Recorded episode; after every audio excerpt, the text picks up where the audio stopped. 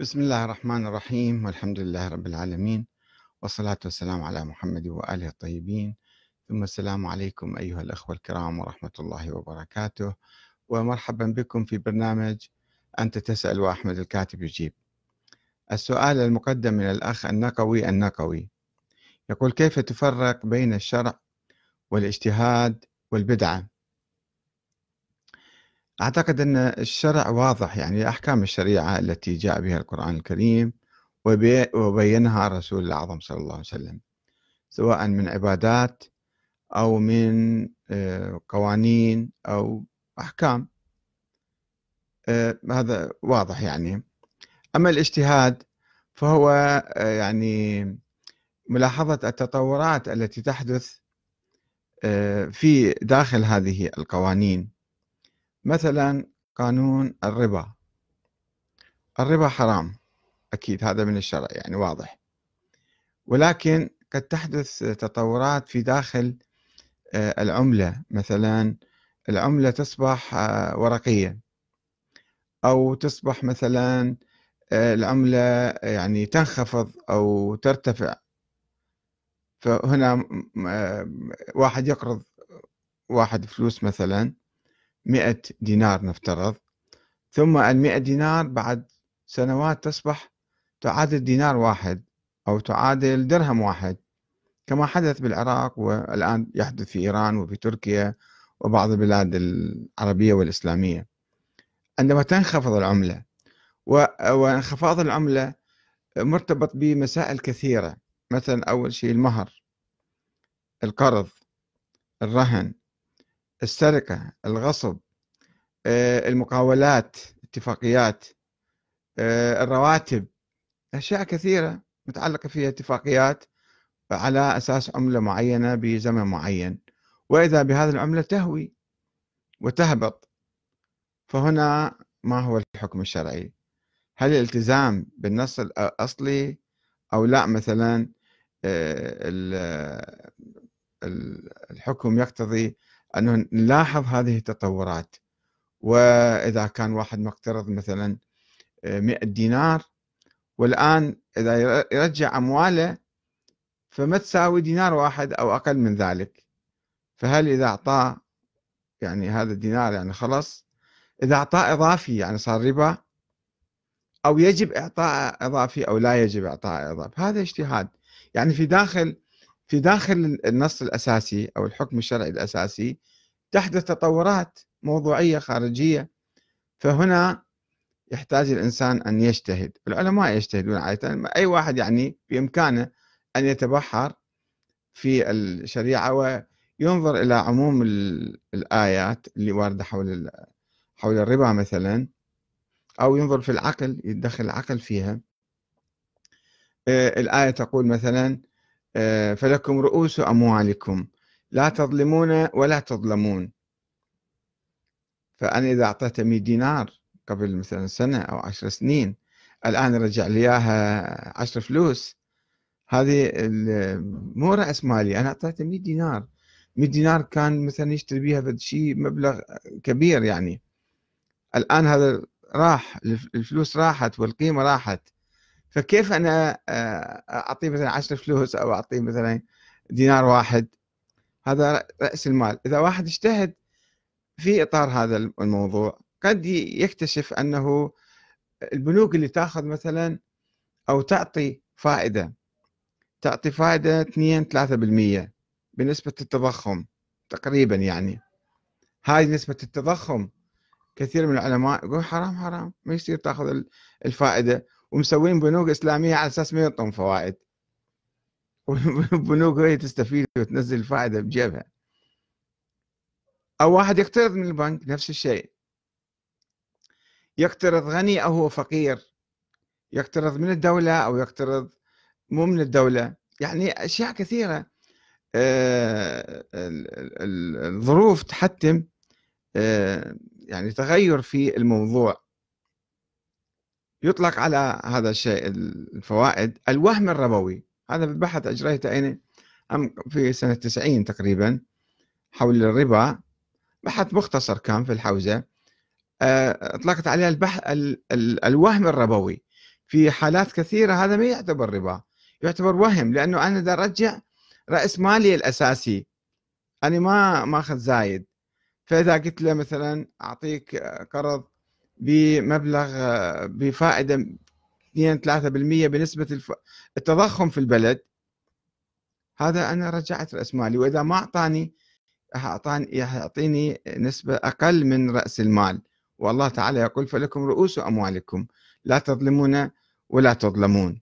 هذه نقطة كثيرا ما يعني تغيب عن بعض الناس اللي يجمدون على النص من دون ملاحظة التطورات. دولة مثلا مثل إيران أو تركيا الآن أو أي دولة أخرى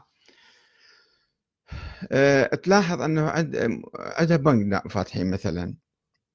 والناس ما يحطون فلوسهم بالبنك باعتبار هذا حرام ما يردون يأخذون فائدة عليها. أو قسم منهم يودون فلوسهم للخارج. الخارج يعطي فلوس يعطي فائدة أكثر وبالتالي هو راح يستفيد. من آه، إيداع أمواله برا.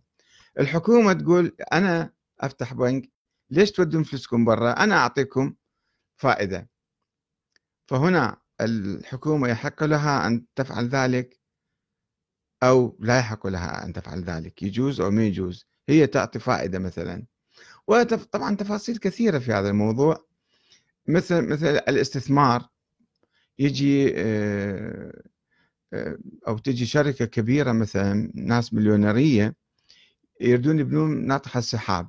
فيقترضون من البنوك تعالوا أعطونا فائدة حتى نبني هاي ناطحة السحاب. وطبعا يحسبون حسابات دقيقة ما تخطئ يعني جدا دقيقة حتى يشوفون الأرباح إيش قد. وهنا البنك بدأ يعطي واحد فقير محتاج وإذا أخذ عليه فائدة راح يصير مثلا راح يستغل هذا الفقير وبالتالي راح مثلا يصير حرام. فهل هذا أيضا يدخل الاستثمار مع الفائدة؟ يدخل في باب الربا المحرم أو ما يدخل؟ أبواب كثيرة. الآن ليس يعني لا أريد أن أبحث في هذا الموضوع اقتصاديا أو يعني فقهيا وإنما أقول هذا هو الاجتهاد. الاجتهاد هو الذي يعني يدخل في تنزيل الأحكام في الوقت المناسب والمكان المناسب حسب الظروف وحسب فهم المقاصد مقاصد الشريعة. هذا يسموه الاجتهاد. أما البدعة البدعة أنه أنت طبعا الشيء المعروف آه، البعض يخلط بين البدعة في الدين والبدعة في الأمور العرفية والعقلية والاعتيادية آه، طبعا هذا شيء ما يصح لأنه البدعة في الدين محرمة. ولكنها في الأمور العرفية والاجتماعية هذه يعني يعني مستحبة قد تكون ومحبذة. يعني الإبداع هو التطور هو هو إحداث أشياء جديدة. البعض يعتبر مثلا النظام الديمقراطي بدعة لأنه ما موجود في الإسلام هذا بدعة. آه، إذا واحد إجا قال ال ال الشيء الجديد مثلا افترضوا النظام السياسي. سواء الشورى أو نظام الإمامة أو عفوا النظام العسكري أو أي شيء كان واحد اجى دخله بالدين. هو أساسا هذا ليس من الدين. حكم عرفي حكم عقلي مثلا. يجي واحد يدخله بالدين. يقول هذا حكم شرعي. لازم أنت تسمع هالشكل والا الله يعاقبك ولا يعني أنت تكون عاصي وتكون إذا خالفت هذا الشيء. في العبادات واضح.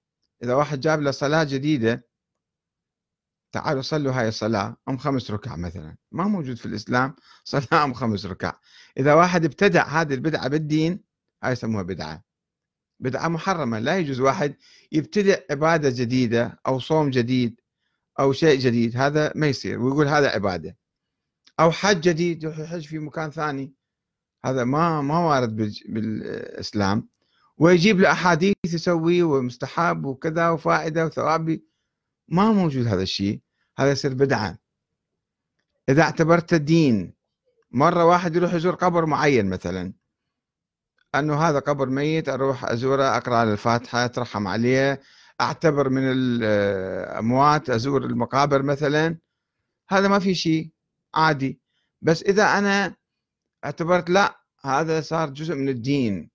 إذا زرت هذا الإنسان الميت مثلا أنت راح الله يعطيك كذا أجر ويجيب كذا الملائكة مثلا آه، تضع أقدامها تحت قدميك تضع أجنحتها تحت قدميك ويجيبون أحاديث ما موجودة في الدين. هاي يسموها بدعة بدعة محرمة.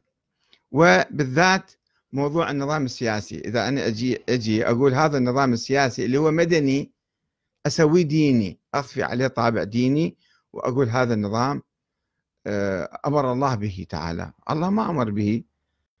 هذا النظام الاتفاقية بين الناس ومسألة عرفية مسألة عقلية مسألة مدنية مو مسألة دينية. إذا دخلت الأشياء العرفية آه، بالدين فيصير آه، حرام ويصير بدعة.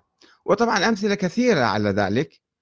يعني أي طريقة أي شيء يعني آه، مسلك معين أو عمل معين هو عمل عادي تضفي عليه طابع ديني فيصير بدعة. ما موجود في الشرع ولا في مجال الاجتهاد فهذا يصير بدعة. فهذه ثلاث أشياء.